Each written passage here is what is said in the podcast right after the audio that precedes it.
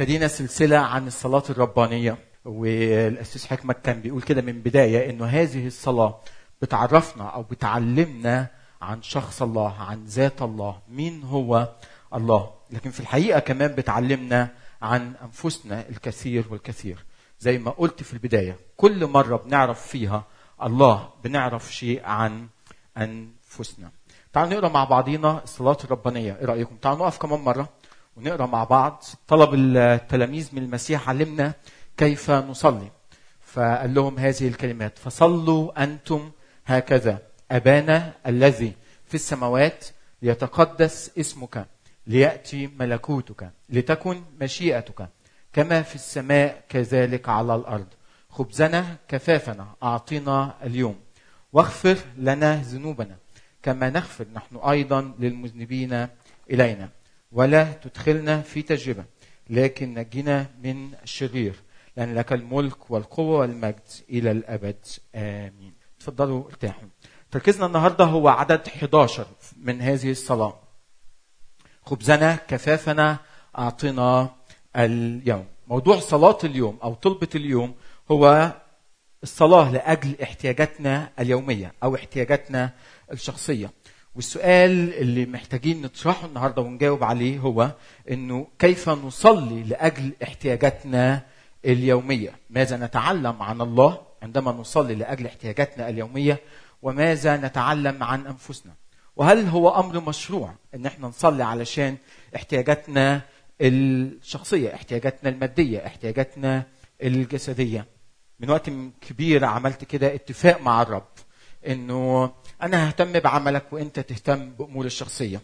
بناء على الآية اللي بيقولها المسيح إنه اطلبوا اولا ملكوت الله وبره وهذه كلها تزاد لكم. فقررت إن أنا أفضل أصلي لأجل عمل الله لأجل النفوس لأجل الكنيسة وفي اوقات كتير أنا بنسى إنه أصلي علشان خاطر احتياجاتي الشخصية. في الحقيقة خلال هذا الأسبوع وأنا بقوم بالتحضير رجعت مرة تانية أبتدي أتذكر إنه صحيح قد إيه مهم إن إحنا نصلي لأجل عمل الله لأجل الكنيسة لأجل المؤمنين لأجل احتياجات الأشخاص من حولنا. لكن كمان المسيح نفسه بيشجعنا إن إحنا نصلي لأجل أنفسنا ونصلي لأجل احتياجاتنا اليومية. حابب أشارك معاكم ثلاث أفكار رئيسية. أول فكرة هي إنه الله بيهتم الله بيهتم باحتياجاتنا المادية. أول كلمة في هذه الصلاة هي خبزنا. ما بيطلب إنه ادينا إن نرى مجدك أو أعطينا رب إنه خلاص النفوس. لكن المسيح بيتنقل في هذا الجزء من الصلاة إنه إلى خبزنا. يا رب صلوا علشان احتياجاتكم الجسدية احتياجاتكم المادية. كلنا عارفين إن الصلاة بتتقسم إلى جزئين. الجزء الأول هو محوره الله. ليتقدس اسمك ليأتي ملكوتك لتكن مشيئتك. وهذا مهم في الصلاة إنه لما بنقرب من الله لما بنصلي قبل ما بنبتدي باحتياجاتنا الشخصية اللي في أحيانا كتيرة ما بتنتهيش محتاجين إنه لما بنيجي إلى الله مش بنيجي نقرب منه علشان فقط نصلي لأجل احتياجاتنا الشخصية لكن نصلي لأجل عمل الله لأجل معرفة الله لأجل أن نرى مجد الله يتقدس اسمه ولأجل أن يأتي ملكوته. لكن في الجزء الثاني من الصلاة موضوع حديثنا النهارده بتنتقل طلبات الصلاة من الصلاة لأجل مجد الله عمل الله لأجل تسديد احتياجاتنا الشخصية. اذا المسيح لما بيعلم التلاميذ إنه صلوا خبزنا كفافنا اعطنا اليوم اللي بيقولوا بكل بساطة إنه أنا بهتم باحتياجاتكم اليومية باحتياجاتكم البشرية. وبتوقع منكم كأولاد ليا إن أنتوا عندما تأتوا أمامي للصلاة تصلوا لأجل احتياجاتكم الجسدية والمادية. اذا هذه النوع من الصلاة هو أمر مشروع مش خطية. أوقات كتيرة بنعتبر إنه مهم قد إيه نصلي زي ما ذكرت في البداية لأجل احتياجاتنا الروحية. وعندما نرى بعض الأشخاص يصلوا كثيرا لأجل احتياجاتهم البشرية والمادية بنفكر إنه هذا الأمر هو خطية أو الأشخاص دول أشخاص مش روحيين كفاية. ليه؟ لأن هم بيصلوا من أجل احتياجاتهم البشرية بصورة مستمرة. لكن المسيح نفسه لما جه شخص يطلب منه إنه ما هي أعظم الوصايا؟ قال له الوصية الأولى إنك تحب الرب إلهك من كل قلبك ومن كل نفسك لكن الوصية الثانية إنك تحب قريبك كنفسك. يعني علشان تقدر إن أنت تحب قريبك إن أنت محتاج إنك تحب نفسك وهنا الله بيشجع التلاميذ وبيشجعنا في هذا الصباح إنه ما تنسوش تصلوا إنه أنا إله متوقع من أولاده عندما يأتوا إليه ليصلوا إن هم يطلبوا من أجل احتياجاتهم البشرية واحتياجاتهم المادية. لكن النقطة الثانية اللي حابب أشارك بيها معاكم في هذا الصباح هي إنه هذه الصلاة بتعلمنا إنه نصلي ليس فقط لأجل احتياجاتنا البشرية والمادية لكن نصلي لأجل تسديد احتياجاتنا الأساسية. احتياجاتنا الأساسية. قال لهم كده خبزنا كففنا أعطنا اليوم. هناك بكل بساطة تفسيرين التفسير الأول بيقول أنه أعطنا اليوم آه أنه مقصود منها أنك بتصلي لأجل احتياجاتك اليومية في بعض الترجمات بتقول أنه خلينا أنه خبزنا كففنا أعطينا ليوم الغد أو لبكرة.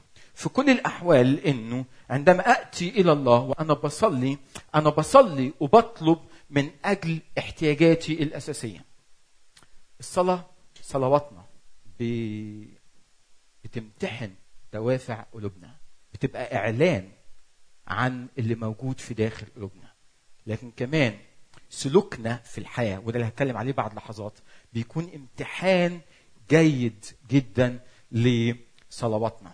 هذا النوع من الصلاة إنه صلوا خبزنا كفافنا أعطينا اليوم. مين بيقدر يصلي هذه الصلاة؟ إلا شخص قلبه مليان بالرضا قلبه مليان بالقناعة قلبه مليان بالفرح قلبه مليان بالشبع. عندما يأتي إلى الله مش بيطلب إنه يا رب ادينا مش بس احتياجات اليوم ادينا لبكرة لأنه كمان طلباتنا لأجل بكرة والبعد بكرة وللمستقبل وإن كان جيد إن إحنا نصلي على هذه الأمور لكن أحيانا كثيرة ده بيدل على إنه إحنا قلقانين على بكرة خايفين على بكرة. لكن كمان الكتاب المقدس بيعلمنا إنه أنتوا تطلبون بتطلبوا كتير بتطلبوا كتير بتطلبوا لكن مش بتاخدوا تطلبون ولستم تأخذون. لأنكم تطلبون رضيا لكي تنفقوا في لذاتكم. أوقات كتيرة بنسأل رب أنت ليه مش بتدينا كل اللي بنطلبه؟ لأنك اللي بتطلبه ده اللي أنت عايزه مش اللي أنت محتاجه. لكن وعد الله أنه يسدد اللي أنت محتاجه مش اللي أنت عايزه. لأنه بصراحة بطبيعتنا البشرية أوقات كتيرة وأنا واحد منهم مش بنشبع. عايزين كتير ولأنه أوقات بيبقى فيه خوف وقلق. فبنبقى قلقانين على بكرة. ولأنه عايزين نأمن بكرة فبنصلي النهارده. يا ريت تأمن النهارده ويبقى كتر خيرك على كمان لو تأمن لنا بكرة بالمرة عشان نبقى مرتاحين نبقى مرتاحين. لكن المسيح كان بيعلمهم هذه الكلمات. عندما تصلون خبزنا كفافنا أعطينا اليوم. صلوا لأجل احتياجاتكم البشرية. كاتب سفر الأمثال في أمثال 30 عدد سبعة وتسعة بيصلي نفس الصلاة. وبعض المفسرين بيقولوا أن حقيقة هذه الطلبة خبزنا كفافنا أعطينا اليوم مبنية على أمثال الأصحاح 30 والأعداد من ست من سبعة إلى تسعة. بيقول كده كاتب سفر الأمثال. اثنين سألت منك من رب فلا تمنعهما عني قبل أن أموت. إيه هما الطلبتين؟ الطلبة الأولى ابعد عني الباطل والكذب. هذه هي الطلبة الأولى. أما الطلبة الثانية هي لا تعطني فقرا ولا غنى. أنا لا عايز فقر ولا عايز غنى. لكن بيقول له كده اطعمني خبز فريضتي. نفس فكرة الصلاة الربانية. أنا عايز اللي يكفيني لأجل يومي. طب إيه السبب؟ إنك بتطلب لا عايز فقر ولا عايز غنى. بيكمل وبيقول هذه الكلمات. لئلا أشبع وأكفر وأقول من هو الرب. خايف من يوم من الأيام البطن تتملي وأنجح في الحياة وأحس إن أنا يعني نجاحي وشبعي ده مبني على ذكائي على خبرتي على إمكانياتي على قدرتي. فانسى الرب. انسى الرب. انسى إنه الخير اللي أنا عايش فيه دوت من عنده هو. فبقول له بلاش تديني غنى كتير لأن أنا خايف لما أشبع أعتمد على ذاتي وأرجع أقول مين هو الرب؟ الرب عمل لي إيه؟ ده كل الخير اللي أنا فيه ده من مني أنا من خبرتي أنا من إمكانياتي أنا. لكن الجزء الثاني بيقول له كده أو لئلا أفتقر وأسرق وأتخذ اسم إلهي باطلا. أنا كمان مش مش بحب الفقر. بس أنا خايف إنه إنه لو مريت بوقت في ضيق في عوز في احتياج بسبب هذا الضيق إنه أمد إيدي وأسرق أو أغش أو أنافق ولأن أنا دعي علي اسمك هجلب العار على اسمك. فمش عايز غنى لألا أكفر واتكل على نفسي. ولا عايز فقر لألا الظروف تضيق عليا وأتصرف بطريقة مش بتمجد اسمك. لكن قال له هذه الكلمات أطعمني خبز فريضتي. أنا عايز اللي يكفيني. ولما بتاخد كده اللي يكفيك من إيد الرب بيبقى كتير بيبقى كتير. ده اللي قاله كاتب المزمور إنه بركة الرب تعمل إيه؟ تغني. ولا يزيد معها تعب. يعني لما كده الرب يدي لك شيء من عنده تاخده وانت حاسس بفرح حاسس برضا حاسس بشبع حاسس إنه في كل الكفاية وما يزيدش معاها تعب. قد إيه كده بنشوف ناس بتتعب بتتعب بتتعب. وزي ما بيعتب عليهم الله في سفر حج قال لهم إن أنتوا بتبنوا ليكم بيوت مزينة بالذهب. بس قال لهم حاجة جميلة قوي قال لهم أنتوا عارفين أنتوا بتشبهوا مين؟ بتشبهوا أشخاص عم بيجمعوا لكيس منكوب مثقوب صحيح؟ مريت بظرف زي كده؟ كان عندك كده فلوس وابتديت تحطها في جيبك والجيب كان شوية يعني مثقوب أو مخروم وبعد شوية تحط إيدك في الجيب وتدور على الفلوس وما بتلاقيها. قال لهم أنتوا عاملين زي كده أنتوا بتجمعوا بتجمعوا بتجمعوا. لكن في الحقيقة مش قادرين تلاقوا خير ولا شبع. وقال لهم ليه؟ لأن أنتوا بتجمعوا في جيب مثقوب في كيس مثقوب لكن كمان قال لهم أنتوا بتجمعوا بتحوشوا وبعد ما بتجمعوا وبتحوشوا علشان تأمنوا لأنفسكم. قال لهم أنا هعمل حاجة غريبة قوي قوي هعمل إيه؟ هنفخ عليه. فمش هتلاقوه موجود. هنفخ عليه. كل الزرع والحصاد اللي أنتوا بتجمعوه أنا هيجي الوقت وبنفخ عليه. فتيجي تقوم الصبح علشان تلاقيه ما تلاقيهوش. حابب أدي مثل من العهد القديم سفر الخروج وإصحاح 16 بيحكي لنا عن قصة بنشوف فيها أشخاص قلوبهم مليانة بعدم رضا لكن مليانة بتذمر. يقول الكتاب المقدس إنه الشعب خرج من أرض مصر وراح للبرية. ويا كان في الوقت دوت هو وقت ارتباط حديث عهد بين الله وبين شعبه. فالشعب بيتعرف في بداية رحلته لكي يتعرف على شخص الله. طيب إحنا خرجنا من أرض مصر وجينا في البرية. من يقود الشعب في ذلك الوقت؟ كان موسى وهارون. فطبعا ابتدوا يتذمروا يقول الكتاب المقدس في خروج الأصحاح 16 والأعداد 2 و3 فتذمر كل جماعة بني إسرائيل على موسى وهارون في البرية وقال لهما بنو إسرائيل ليتنا متنا بيد الرب في أرض مصر. إذ كنا جالسين عند قدور اللحم نأكل خبزا للشبع. لكن أنتوا خرجتونا علشان نموت هنا في البرية. وحشتهم مصر. ونسيوا الذل والعبودية اللي كانوا فيها. واللي افتكروه من مصر إنه كنا بناكل لحمة وبنشبع لحمة وكنا يعني مبسوطين جدا جدا جدا. ليه خرجتونا علشان نموت هنا في البرية؟ رد موسى وهارون على الشعب وقال لهم خلوا بالكم أنتوا بتتذمروا علينا ليه؟ مش إحنا اللي خرجناكم من أرض مصر الرب هو اللي خرجكم من أرض مصر.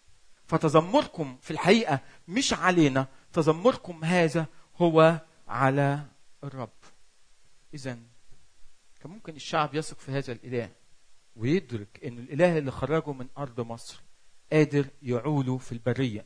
لكن هنتعرف بعد لحظات ليه عمل الله معهم هذا الأمر يقول الكتاب المقدس علشان يمتحنهم لكن عايز أرجع للنقطة اللي بتكلم فيها إنه هذه الصلاة بتعلمنا إنه ممكن أكون شخص قلبه دايما متذمر مليان شكوى. وخليني أذكرك بحقيقة مهمة جدا. عندما نمر بضيق وبظرف صعب في حياتنا أول شيء أول حرب يستخدمها إبليس علينا أو يشنها إبليس علينا إنه يشتكي على صلاح الله. إنه يشتكي على صلاح الله. يا ريتنا كنا متنا في أرض مصر. هو فين الله هو خرجتونا من مصر علشان نموت هنا في البرية؟ وبينسى. وإحنا بننسى. إن الله صالح. إنه إلى الأبد رحمته. إن مراحمه واحساناته هي في كل يوم وفي كل صباح هي هي جديدة. وبدل ما قلوبنا تقوم الصبح تتملي بالشكر والحمد بنعول الهم وبنخاف. واب نتذمر لكن دي طبيعتنا البشرية. لكن هذه الصلاة بتعلمنا انه صلي بس الوعد انه الله سوف يسدد احتياجاتك الأساسية. صلي وإنت كده قلبك مليان برضا وبقناعه إنه لما بطلب احتياجاتي الأساسية إلهي هيسددها يوم بيومه. وأنا بترك كل شيء للرب وبثق فيه وفي صلاحه وفي خيره. لكن النقطة الثالثة إنه الله هو من يسدد الاحتياجات. الله هو من يسدد الاحتياجات. يقول كده خبزنا كفافنا أعطنا اليوم. لما بنصلي هذه الصلاة أوقات كتيرة بنرفع إيدينا لفوق للسماء وبنرفع عينينا وبنقول له أعطنا اليوم. وهذا دليل على أن رب وأنا بصلي هذه الصلاة أنا متوقع أنه أنت اللي تسدد احتياجاتي. أنه تسديد الاحتياجات هو عطية من عند الرب. هو المنحة هو نعمة هو بركة بيقدر يديها الله لأولاده. لما بصلي أنا بعلن كده أنه يا رب أنا مش متكل على ذراع البشر ولا بطلب من بشر. لكن أنا لما عندي احتياجات أساسية ومحتاج أسددها الشخص اللي أنا بلجأ ليه هو أنت. هو أنت. وبثق أنه ده عطية ومنحة منك أنت الرب صالح الرب صالح. كل عطاياه جيدة. أنا وألماس هحكي لكم اختبارين بسرعة. الاختبار الأول في ألماس كانت حامل في ناثانيال وبعد شهرين ثلاثة نعمل تحاليل ولأنه في كندا في فرصة إنه للإجهاض. بنت التحاليل وقعدنا مع الدكاترة وقالوا ناثانيال هيجي معوق مشوه تماما ومعوق تماما. طبعا تتخيلوا الخبر كان على الماس إزاي؟ وعلينا كعيلة كان وقت صعب جدا جدا جدا. وابتدت الأفكار إنه طب نعمل تحاليل أكتر لأن لو الولد جاي مشوه في ممكن فرصة إنه إنه تتخلصوا بحسب الدكاترة تتخلصوا من هذا المولود. خرجنا من عند الدكتور بعد ساعتين جايبين لنا كل الخرايط وبيحكوا لنا كيف وين الإصابة اللي هتكون في جسم الولد وكيف الولد هيطلع مشوه. أنا فعلا خرجت من المستشفى حامل ألماس على إيديا حرفيا حامل ألماس على إيديا. مش قادرة تمشي. لأنه خبر زي دوت الولد جاي مشوه. لكن كان وقت صعب. وقت صعب. وقت صعب. لكن الماس بتقول هنعمل إيه؟ قلت لها بكل بساطة. عطايا الله جيدة. عطايا الله جيدة. بس اللي عايز أقوله بخصوص إن الرب صالح قررت إنه أكتب يافطة كده في البيت وأطبعها وأعلقها في كل البيت في المطبخ يمكن الماس لحد النهارده محتفظة بيها. بتقول كده إنه الرب صالح الرب صالح الرب صالح. والماس كل يوم وهي ماشية بتشوف الآية ديت وبتتذكر إنه كل عطايا الله هي صالحة وجيدة. كان الاختبار الثاني أنا كنت كمان بدرس في كلية اللاهوت هنا في لبنان وقعدنا من 2000 ل 2003 تاني سنة نزلت الصيف لمصر وطالب لاهوت هنا موجود بدرس احتياجاتنا المادية يعني على القد. نزلت مصر وبعد شهر كده قاعد رجعت البيت بالليل وبعد ما رجعت البيت قاعد لوحدي ومفيش حد موجود في البيت وبحط إيدي في جيبي وكل ما أمتلك في حياتي هو جنيه واحد فقط. بس. فقاعد بفكر يعني شاب في هذا العمر المفروض يعني يكون معاه أكتر من كده كل ما يمتلكه في حياته هو جنيه واحد. بعد لحظات دخلت أختي إنسانة مؤمنة وأنتوا عارفين لما بتشوف واحد زي كده وكلنا مؤمنين أسهل شيء نعمله إن إحنا نوعظ. فبتقول لي مالك؟ بقول لها تتخيلي أخوك قاعد يعني معاه جنيه واحد في حياته هذا كل ما أملك ردت عليا طبعا لازم نلاقي آية علشان على طول يعني نرد بيها إنه أما طالبوا الرب فلا يعوزهم شيء من الخير. قلت لها يعني معايا جنيه واحد في أكتر من كده احتياج إيه؟ أنا مش عارف إيه اللي هيحصل بكرة. يعني خليني أقول لكم إنه خلصنا دراسة اللاهوت. سافرنا أنا وألماس رجعنا على مصر سنتين. سافرنا على كندا كمهاجرين. لما رحنا كندا كنا كل ما نحتكم عليه هو 200 دولار كعيلة. عشنا 10 سنين في كندا. ورجعنا وأنا بشهد انه الله سدد كل احتياجاتنا ومفيش يوم واحد احتاجنا. بس اللي اتعلمناه أمين الرب صالح اللي اتعلمناه انه لما رحنا كندا كانت في كنيسة وكنيسة اهتمت وبعدها أول ما وصلنا كندا بعد بعض الشهور قلت للألماس إحنا ما عندناش عيلة عيلتنا القريبة مننا مش موجودة. بس قلت لها من النهارده أي بلد أنا هروحها أنا مش هخاف. قالت لي ليه؟ قلت لها ان أنا عندنا عيلة المسيح عندنا جسد المسيح. عندنا العيلة اللي الله ادهنا علشان تهتم وترعانا. فبتحس إن عندك عيلة أكبر من عيلتك الأرضية وهي الكنيسة. لكن نرجع للشعب في القديم. الشعب عمل إيه؟ الرب قال له أنا هزود لك كل احتياجاتك. تمام؟ وقال له قال له أنا ه... يا موسى روح قول للشعب أنا هديهم كل احتياجاتهم. وبيقول في عدد آه 12 سمعت تذمر بني إسرائيل كلمهم قائلا في العشية تأكلون لحما. لو أنتوا زعلانين على اللحم اللي كان في مصر أنا هأكلكم كل يوم لحم. وفي الصباح تشبعون خبزا. طب أنت بتعمل معاهم ليه كده رغم تذمرهم؟ قال هذه الكلمات. فتعلمون إني أنا الرب إلهكم. عشان تعرفوا إن أنا إلهكم. أنا اللي خرجتكم من أرض مصر. وأنا اللي صنعت معاكم العهد. وأنا اللي وعدتكم إن أنا هوصلكم لأرض الموعد. ولان أنا إله أمين. لأن أنا إله بيحفظ العهد وبيحفظ الوعد. مش ممكن أتركهم. أنا هعلمهم الدرس دوت إنه أربعين سنة في البرية. كل يوم أنا هديهم من سماوي. ومش هيحتاجوا أي شيء. ويقول كده في نهاية الأصحاح إنه أربعين سنة إنه هذا الجيل ما احتاجش أي شيء. إمتى وقف المن والسلوى؟ أول ما ابتدوا يدخلوا أرض الموعد وابتدت الأرض تفيض لبن وعسل وياكلوا من خيرات الأرض هنا يقول الكتاب المقدس انه وقف المن والسلوى لكن أربعين سنة في البرية ما احتاجوش أي شيء بس عمل إيه الشعب في البرية قال لهم الشرط إنه أنا هديكم خبز كل يوم ولو جمعتوا آخر النهار وحاولتوا تحتفظوا بالزيادة لتاني يوم إيه اللي هيحصل؟ هيدود سواء هيعفن الخبز البعض منهم بشر صحيح؟ قرروا إنه يجوا آخر الليل ويعملوا إيه؟ واحتفظوا. قاموا الصبحية لقوا اللي احتفظوا بيه من الطعام انتن وعفن. الرب طبعا كان غضبان. قال له موسى روح قول للشعب أنا هسدد كل احتياجاتهم. لكن قال لهم حاجة تانية بعد. قال لهم إيه؟ قال لهم إنه يوم السبت هو يوم راحة. طب هنعمل إيه يوم السبت؟ مش هنقوم الصبحية ونجمع؟ قال لهم لا. أنا يوم الجمعة هديكم أكل يكفي الجمعة ويكفي كمان ليوم السبت. يقول الكتاب المقدس هذه الكلمات في عدد 27 وحدث في اليوم السابع إن بعض الشعب خرجوا ليلتقطوا فلم يجدوا. قال لهم ما تطلعوش. وهم صمموا إن هم يعملوا إيه؟ يطلعوا علشان يجمعوا يوم السبت.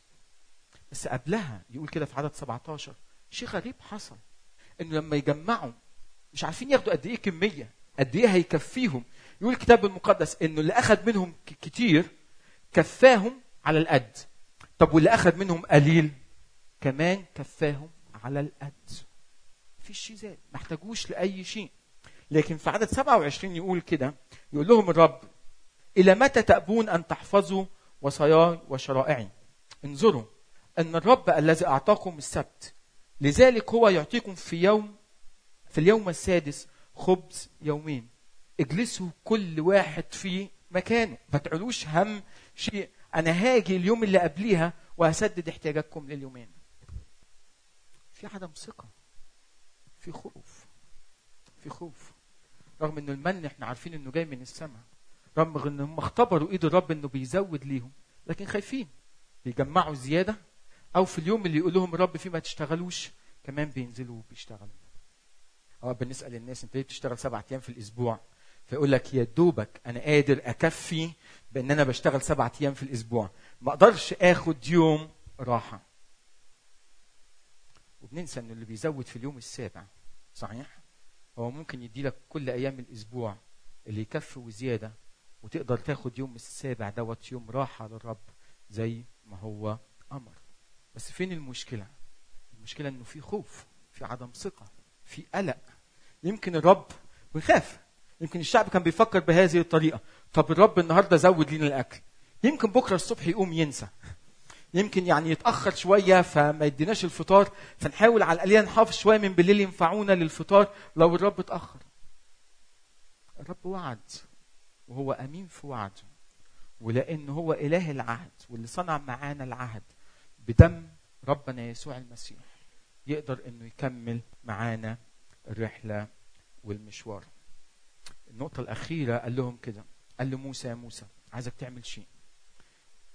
إنه تاخد كده جزء من الخبز دوت وتخليه كده في تابوت العهد. تابوت العهد كان فيه الوصايا كان فيه عصا موسى وكان فيه الخبز دوت.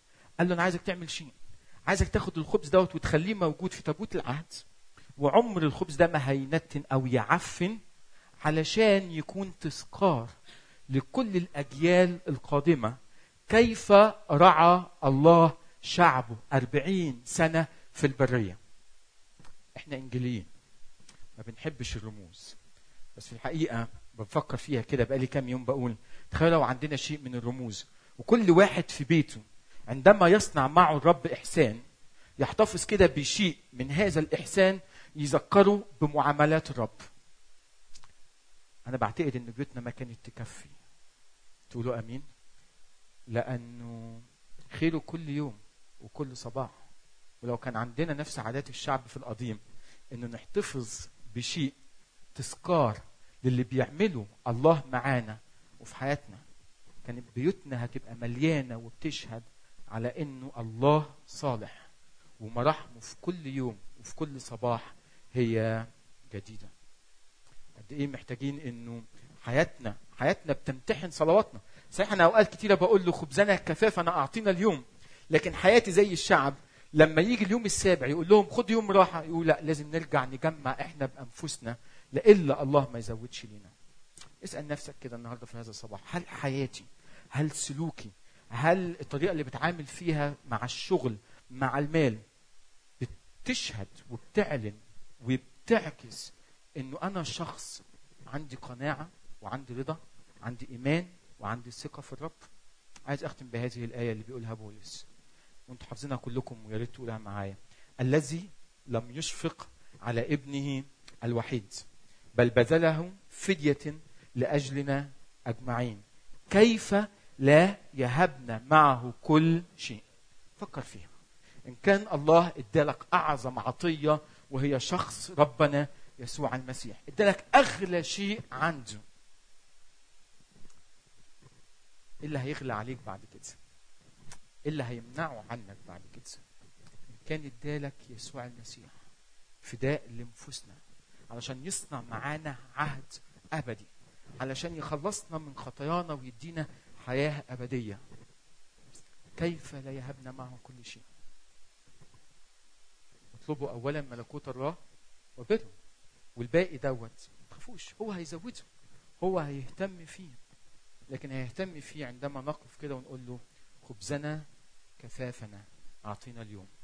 إحنا مش عايزين غير احتياجاتنا الأساسية وعندنا ثقة وإيمان إنك صالح وإنك يا رب بترعانا في كل يوم وعمرك ما هتتخلى عننا.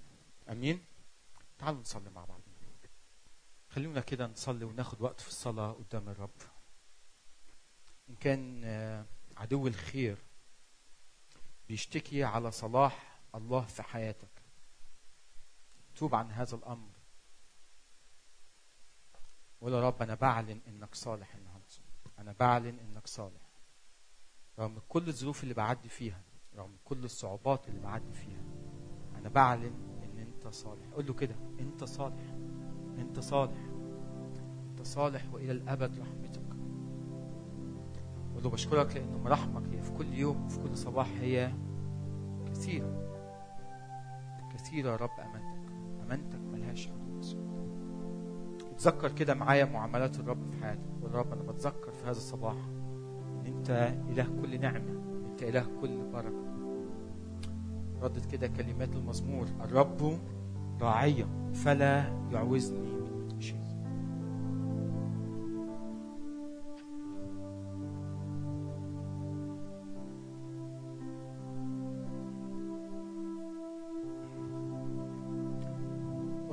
له يا رب تعالى كده ونقي دوافعنا في هذا الصباح في اسم المسيح. علمنا يا رب وساعدنا ان صلواتنا طلباتنا تعلن عن دوافع قلب نقية مقدسة وطاهرة.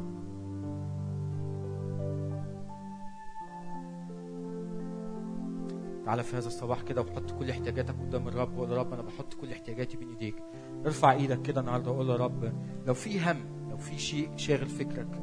لو في كده أمر تعب بالك قول يا رب أنا جاي بحط هذه الأمور النهارده في هذا الصباح بين إيديك وبثق إن أنت صالح إن أنت صالح. إن أنت قادر إنك تسدد كل احتياج بحسب غناك في المجد بحسب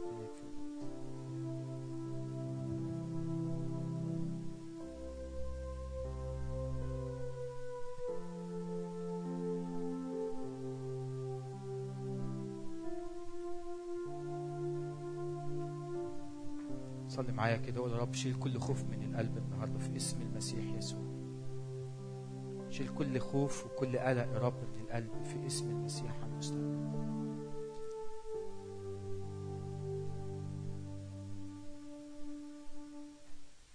انظروا طيور السماء إنها لا تزرع ولا تحصد لكن أبوكم السماوي يعتني به فكيف لا يعتني بنا نحن أيضا. ورب أنا بشكرك من أجل رعايتك من أجل أمانتك في هذا الصباح. اشكرك اشكرك اشكرك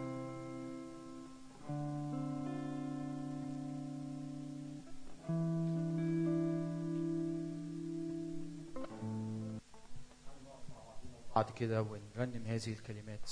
اعلن فيها صلاح الرب. لأنه أشبع نفسا مشتهية وملأ نفسا جائعة ملأها خبزا قول له كده يا رب قول بعلن إن أنت صالح إن أنت صالح. هللويا الرب صالح هللويا. الرب صالح هللويا. الرب صالح إلى الأبد رحمة. لأنه أشبع نفسا مشتهية جائعة